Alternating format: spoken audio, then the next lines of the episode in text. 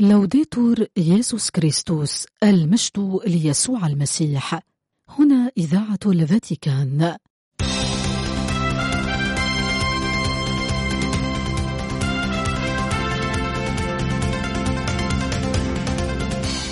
مستمعين الأحباء تحية طيبة من القسم العربي في إذاعة الفاتيكان. ننقل إليكم برنامجنا العربي اليومي حول نشاطات البابا والكرسي الرسولي وأخبار الكنيسة حول العالم. يمكنكم الاستماع إلى برامجنا والاطلاع على آخر الأنباء عبر الإنترنت على الموقع vaticannews.va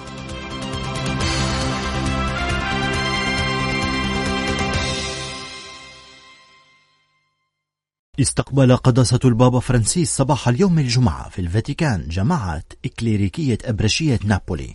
وللمناسبة وجه الأب الأقدس كلمة رحب بها بضيوفه وقال أشكركم على حضوركم إلى هنا هذا الصباح وعلى رغبتكم في هذا اللقاء بمناسبة الذكرى التسعين لافتتاح إكليريكيتكم. أتوجه إليكم بمودة أيها الإكليريكيين.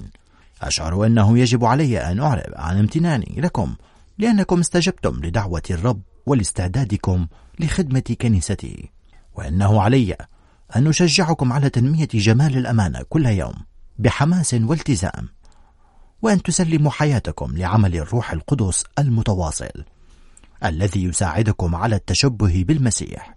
نتذكر هذا على الدوام.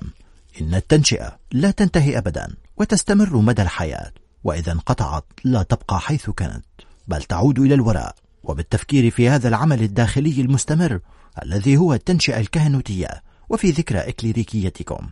تتبادر إلى ذهني صورة موقع البناء.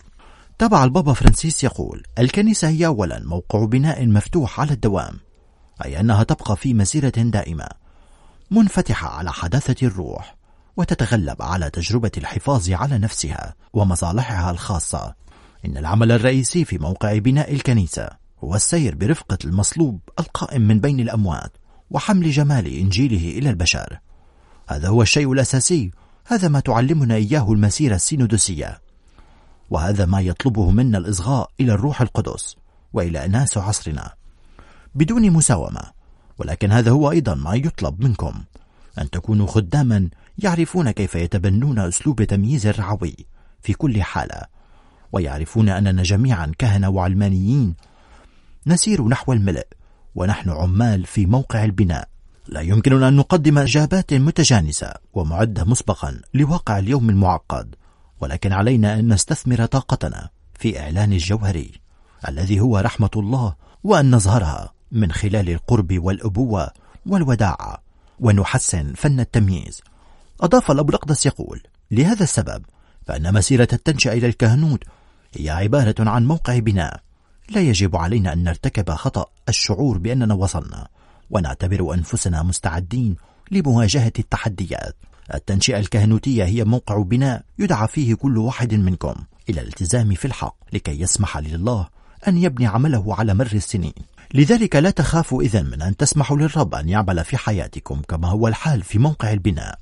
سيأتي الروح أولا ليهدم تلك الجوانب وتلك المعتقدات وهذا الأسلوب وحتى تلك الأفكار الغير المتسقة حول الإيمان والكهنوت التي تمنعكم من أن تنمو بحسب الإنجيل. ثم إن الروح عيني بعد أن يطهركم من الأكاذيب الداخلية وسيعطيكم قلبا جديدا وسيبني حياتكم وفقا لأسلوب يسوع وسيجعلكم تصبحون خلائق جديدة وتلاميذا مرسلين. سيجعل حماسكم ينضج من خلال الصليب كما حدث مع الرسل لكن لا تخافوا من هذا. قد يكون هذا عملا متعبا بالتأكيد. ولكن إذ بقيتم مطيعين وصادقين وجاهزين لعمل الروح القدس بدون أن تتصلبوا أو تدافعوا عن أنفسكم فسوف تكتشفون حنان الرب في هشاشتكم وفي فرح الخدمة. في موقع البناء هذا الذي هو تنشئتكم احفروا بعمق افعلوا الحق في داخلكم بصدق وعززوا الحياة الداخلية وتأملوا في الكلمة وتعمقوا في دراسة أسئلة زمننا والمسائل اللاهوتية والرعوية. واسمحوا لي أن أوصيكم بشيء واحد. اعملوا على النضج العاطفي والبشري الذي بدونه لا يمكنكم أن تذهبوا إلى أي مكان. تابع الحبر الأعظم يقول وأخيرا إن هيكلية الإكليريكية نفسها تشبه موقع بناء كبير. ومن الواضح أنني لا أشير إلى قطاع بناء فيما يتعلق بالتنشئة الكهنوتية هناك عملية جارية تتضمن أسئلة جديدة ومكتسبات جديدة. إن المسارات التنشئة تمر بتحولات عديدة وتصغي إلى التحديات التي تنتظر الخدمة الكهنوتية وتتطلب التزاما وشغفا وإبداعا سليما من الجميع. فيتم اختبار خبرات رعوية وإرسالية جديدة بهدف تعزيز الاندماج التدريجي في الحياة الكهنوتية المستقبلية. وتفترض أوقات انقطاع في المسيرة من أجل تعزيز النضج الفردي. من الجميل أن نقبل بهذه الحداثة ونقيمها. ونعيشها كفرص للنعمة والخدمة ونرى فيها حضور الله. أضاف الأبو الأقدس يقول لقد بدأنا للتو مسيرة الصوم التي كما قلت هي زمن لاتخاذ خيارات صغيرة وكبيرة بعكس التيار. نعيد فيه التفكير في أنماط الحياة. لتتبع جماعتكم أيضا درب الارتداد والتجديد هذا. كيف؟ أن تسمحوا بأن تمتلككم بدهشة متجددة محبة الله. أساس الدعوة التي نقبلها ونكتشفها بشكل خاص في العبادة والاتصال بالكلمة ومن خلال إعادة اكتشاف طعم الرصانة بفرح وتجنب الهدر وتعلم أسلوب حياة يساعدكم لكي تكونوا كهنة قادرين على بذل ذاتكم في سبيل الآخرين وعلى الاهتمام بالفقراء ولكي لا تسمحوا بأن تخدعكم عبادة الصورة والمظهر بل تهتموا بحياتكم الداخلية وتعتنوا بالعدالة والخليقة. قضايا آنية ولاذعة في أرضكم. تنتظر من الكنيسة بهذا المعنى كلمات شجاعة وعلامات نبوية وتعيش في سلام ووئام وتتغلب على الانقسامات وتتعلم أن تعيش في الأخوة بتواضع. والأخوة ولا سيما اليوم هي أحدى أعظم الشهادات التي يمكننا أن نقدمها للعالم. وختم البابا فرانسيس ليترافق العمل الجاري في موقع البناء الخاص بكم بشفاعة القديسين شفيعكم القديس جنارو. الذي لا يزال حضوره ودمه يسقيان الأراضي التي تسكنونها والقديس فينشينسو رومانو كاهن الرعية الذي تنشأ في إكليريكيتكم. نموذج الغيرة الرسولية والروح الإرسالية والطوباوي ماريانو أرشيرو مرشده الروحي الذي نحيي اليوم ذكراه الليتورجية. أتمنى لكم كل الخير في مسيرتكم وأنا أرافقكم بالصلاة وأنتم أيضا من فضلكم. لا تنسوا أن تصلوا من أجلي.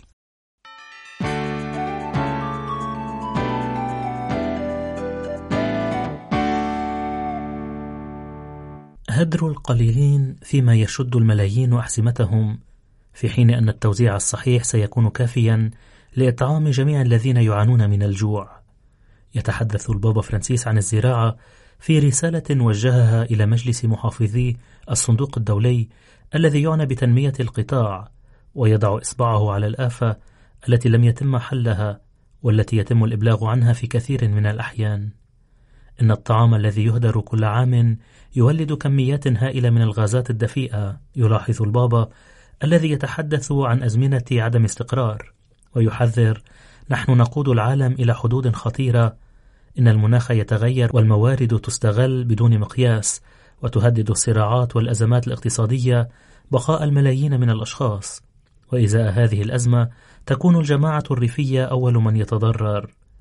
إن مشكلة هذه المجموعات الصغيرة يؤكد البابا فرانسيس هي أنها لا تملك الموارد اللازمة لمواجهة تحديات التغير المناخي والصراعات كما أنه يتم استبعادها عن الحصول على التمويل. ويتابع في هذا الأفق نجد أيضا السكان الأصليين ضحايا الحرمان وانتهاكات حقوقهم والنساء ركائز البقاء لأكثر من نصف العائلات التي تعاني من انعدام الأمن الغذائي والشباب الذين يملكونهم أيضا إمكانات مهمة للابتكار والتغيير الإيجابي. وكتب البابا بوضوح أنه لكي نواجه الجوع والفقر لا يمكننا الاكتفاء باستراتيجيات مجردة أو التزامات بعيدة المنال وإنما علينا أن نعزز الرجاء الذي يولد من العمل الجماعي. وهذا التعاون كما يأمل يجب أن يهدف إلى بناء نظام زراعي وغذائي أكثر إدماجا. مع برامج بحث وتكنولوجيا تعزز الزراعة المستدامة وتحترم البيئة. وللحد من الهدر ودعم التوزيع العادل للموارد يشير البابا فرانسيس إلى استثمارات في النقل والتخزين قادرة على الحد من خسائر المزارعين الصغار الذين ينتجون ثلث الأغذية المستهلكة يوميا. وخلص البابا فرانسيس إلى القول لتعكس مقترحاتكم وإجراءاتكم القيم العالمية للعدالة والتضامن والرحمة ولتكن موجهة نحو الخير العام والعمل من أجل السلام والصداقة الاجتماعية.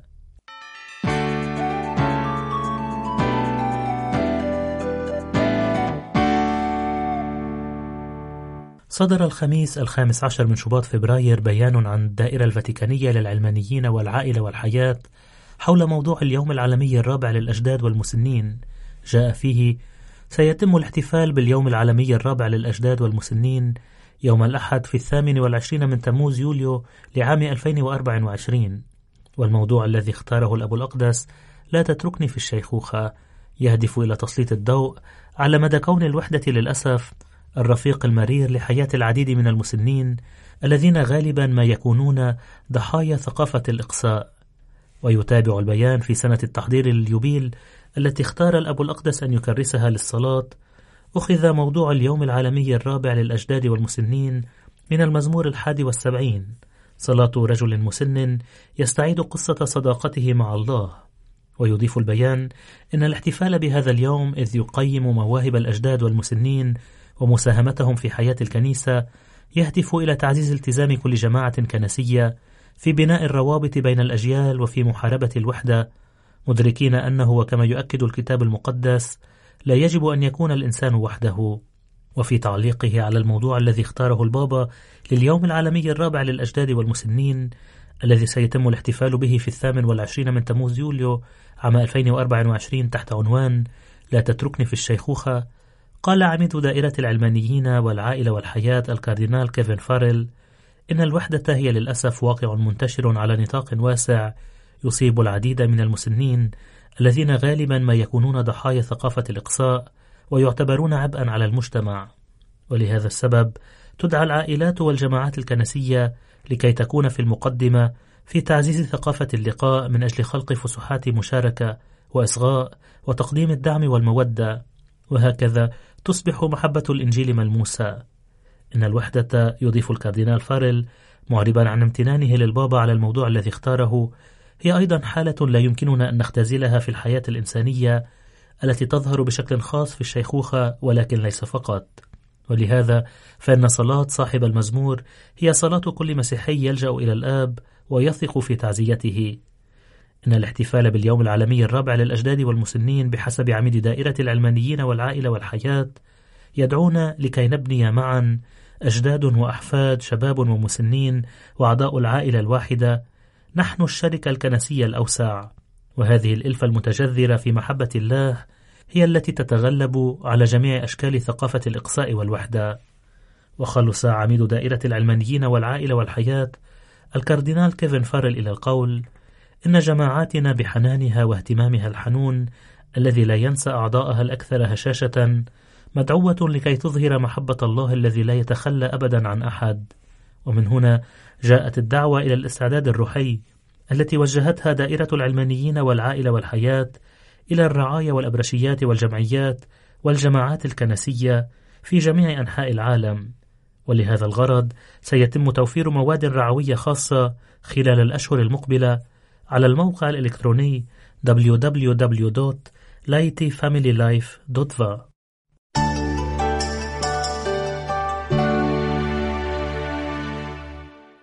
نشرت صحيفة أوسيرفاتوري رومانو الفاتيكانية مقالا سلطت فيه الضوء على رسالة وجهها عدد من الحاخامات والباحثين في الحوار اليهودي المسيحي إلى البابا فرانسيس أعربوا من خلالها عن امتنانهم للحبر الأعظم على المساعي التي يقوم بها من أجل تحقيق تقارب بين الديانتين وتخطي المشاكل التي سادت على العلاقات الثنائية على مر التاريخ. تحدثت الرسالة عن الجهود الحثيثة التي تبذلها الكنيسة الكاثوليكية بغية إرساء أسس التفاهم المتبادل الذي يحل مكان الخصومات وتعزيز الصداقة التي أخذت مكان العداوة، لافتة إلى أن هذا التقارب بدل الجماعتين وترك بصمته في تاريخنا المعاصر.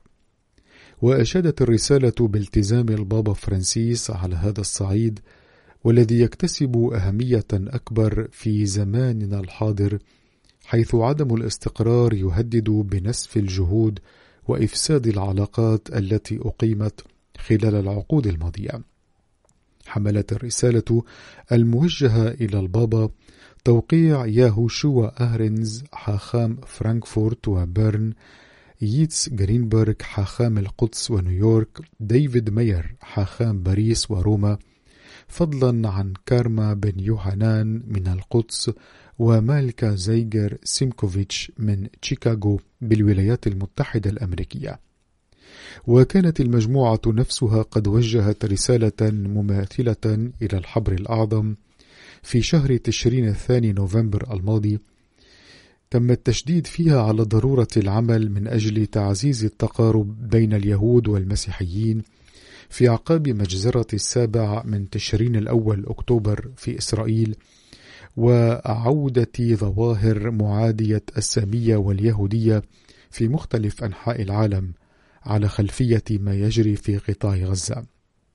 البابا فرانسيس لم يتأخر في الرد عليها، إذ وجه بدوره رسالة في الثاني من شباط فبراير الجاري إلى الأخوة والأخوات اليهود في إسرائيل عبر من خلالها عن تضامن الكنيسة بأسرها مع الشعب اليهودي ودعا إلى إحلال السلام بين جميع سكان الأرض المقدسة على اختلاف انتماءاتهم العرقية والدينية. وتطرق الحبر الأعظم إلى الحرب الدائرة راحاها في إسرائيل وقطاع غزة مشيرا إلى أنها ولدت انقسامات ومواقف متضاربة تفضي أحيانا إلى أشكال من معاداة السامية ومعاداة اليهودية. مذكرا بأن الكنيسة الكاثوليكية تدين بشكل لا لبس فيه كل تعابير الكراهية تجاه اليهود كخطية تجاه الله نفسه. لفتت صحيفة أوسيرفاتوري رومانو الفاتيكانية إلى أن الرسالة الجديدة وصلت إلى البابا يوم الأربعاء وشاء من خلالها الموقعون أن يعبروا عن شكرهم وامتنانهم الكبير للحبر الأعظم على مواقفه وكلماته.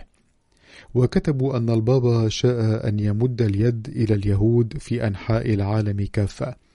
لا سيما أولئك المتواجدين في إسرائيل خلال هذه المرحلة المطبوعة بالألم الشديد وأشاد الموقعون أيضا بمواقف البابا المناهضة لمعاداة السامية ومعاداة اليهودية هاتين الظاهرتين اللتين اتخذتا في الفترة الأخيرة أبعادا لم تعرفها من قبل النسبة الأكبر من أناس زماننا.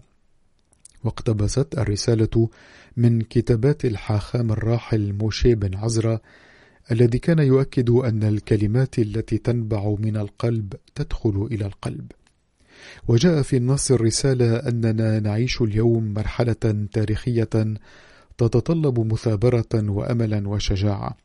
وأكد الموقعون أن قوة التغيير التي يحملها الإعلان المجمعي في عصرنا تشكل بالنسبة لنا مصدر إلهام لأنها تظهر أن الأخوة يمكن استعادتها أيضا وسط الصراعات الأشد صعوبة.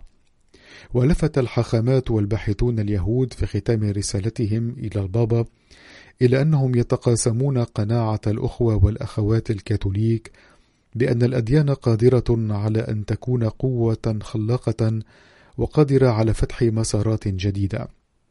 كما لم تخلو الرسالة من الإشارة إلى معاناة سكان الأرض المقدسة يهودا كانوا مسلمين أم مسيحيين والتي تؤثر على حياتنا ومستقبلنا. وأكد الموقعون أنهم يودون أن يضموا صلواتهم إلى صلوات البابا مبتهلين من الله السلام ونهاية الأهوال وسائلين إياه أن يداوي الجراح ويعزي الأشخاص المتألمين والمفجوعين. للمناسبة أجرت صحيفة سيرفاتوري رومانو مقابلة مع الباحث في العلاقات اليهودية المسيحية البروفيسورة كارما بن يوحنان والتي هي أيضا منسقة المجموعة الموقعة على الرسالة. لافتة إلى أن المسؤولين الدينيين اليهود رأوا في رسالة البابا فرانسيس دعوة للتعمق في الحوار بين الجماعتين. وذكرت بأن ستين سنة مضت على انطلاقة مرحلة جديدة من العلاقات بين اليهود والمسيحيين بفضل المجمع المسكوني الفاتيكاني الثاني واعتبرت أنه من الأهمية بمكان أن نسعى اليوم إلى تجديد تلك العلاقات وسط الأوضاع المضطربة التي نشهدها. وختمت البروفيسورة بن يوحنان تقول على الرغم من التوترات الراهنة اليوم إننا واثقون بأن علاقاتنا صلبة بما فيه الكفاية كي نتمكن من تخطي تلك التوترات ومتابعة السير إلى الأمام مع أنه ما يزال ينتظرنا عمل كبير لابد أن نقوم به.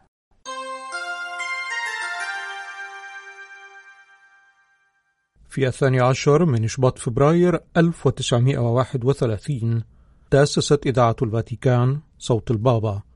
وفي الثالث عشر من الشهر ذاته يحتفل باليوم العالمي للإذاعة الذي أعلنته الدول الأعضاء في منظمة الأمم المتحدة للتربية والعلم والثقافة يونسكو سنة 2011 لتعتمده الجمعية العامة للأمم المتحدة العام التالي 2012 وتشكل المناسبتان فرصة للتأمل في صفحات غنية في حياة هذه الوسيلة الإذاعة التي شهدت تطورا تكنولوجيا كبيرا إلا أنها حافظت دائما على رسالتها أي بلوغ كل أطراف الأرض وجميع شعوبها.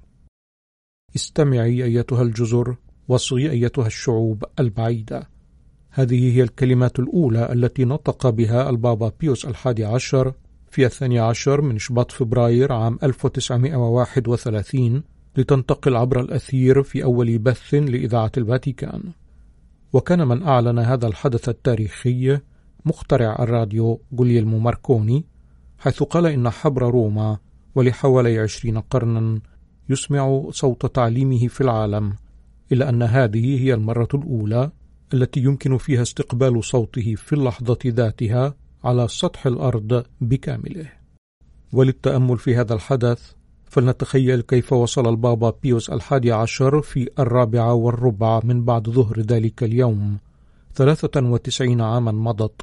إلى المكان الذي تم إعداده خصيصا لهذا الحدث وكان في استقباله وإلى جانب العالم الكبير ماركوني الأب اليسوعي جوزيبي جان فرانشيسكي أول مدير لإذاعة الفاتيكان. ليتوجه الحبر الأعظم إلى القاعة التي تم تجهيزها بالمعدات الصوتية ليوجه كلمته لتنتشر من هذا المكان إلى الفضاء إلى التاريخ. ولنعد إلى يوم آخر في تاريخ وسيلة الاتصالات هذه الثالث عشر من شباط فبراير 1946 ففي ذاك اليوم تم بث أول نشرة إخبارية من إذاعة منظمة الأمم المتحدة. وللتذكير بهذا الحدث أعلنت اليونسكو الثالث عشر من شباط فبراير اليوم العالمي للإذاعة. وتجر الإشارة إلى أن موضوع اليوم العالمي هذه السنة هو الإذاعة مئة عام من الإعلام والترفيه والتثقيف. وفي تقديمها لهذا اليوم للعام 2024 أرادت منظمة الأمم المتحدة للتربية والعلم والثقافة يونسكو تسليط الضوء على محور احتفال هذا العام. حيث كتبت في رسالة لهذه المناسبة نشرها الموقع الإلكتروني للمنظمة أنه يتم التركيز على الجوانب التالية: البصمة التاريخية للإذاعة في مجالات الأنباء والدراما والموسيقى والرياضة وغيرها، والنفوذ القوي الذي تمارسه عليها. قيمة الإذاعة كمنفعة دائمة بوصفها أداة مأمونة ومجانية إلى حد ما ومتنقلة يستخدمها الناس في حالات الطوارئ وعند انقطاع التيار الكهربائي في إثر وقوع كوارث طبيعية وكوارث من صنع الإنسان مثل العواصف والزلازل والفيضانات والارتفاع الشديد لدرجات الحرارة وحرائق الغابات والحوادث والحروب.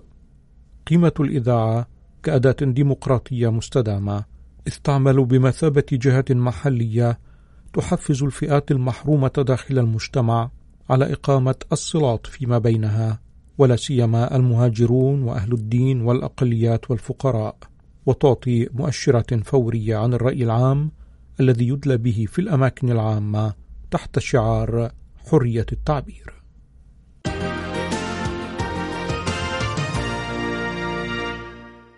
إن الوضع الإنساني في الجزء الشرقي من جمهورية الكونغو الديمقراطية مثير للقلق بسبب القتال الذي اشتد الأسبوع الماضي بين القوات الحكومية والجماعات المسلحة ولا سيما متمردي حركة الأم 23 وتقدر المفوضية السامية للأمم المتحدة لشؤون اللاجئين أن 135 ألف نازح داخليا في شمال كيفو يفرون الآن من مدينة ساكي باتجاه المقاطعة المجاورة العاصمة جوما.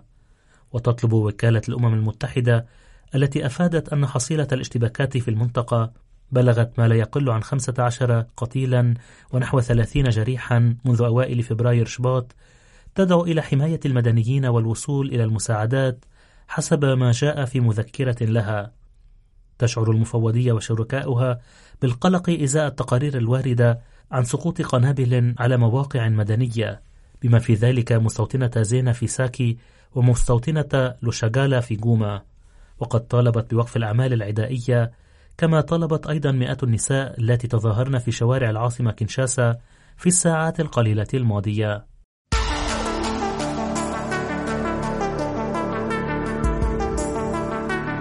بهذا نأتي إلى ختام نشرتنا الإخبارية. قدمناها لكم من إذاعة الفاتيكان. المجد ليسوع المسيح. لوديتور ييسوس كريستوس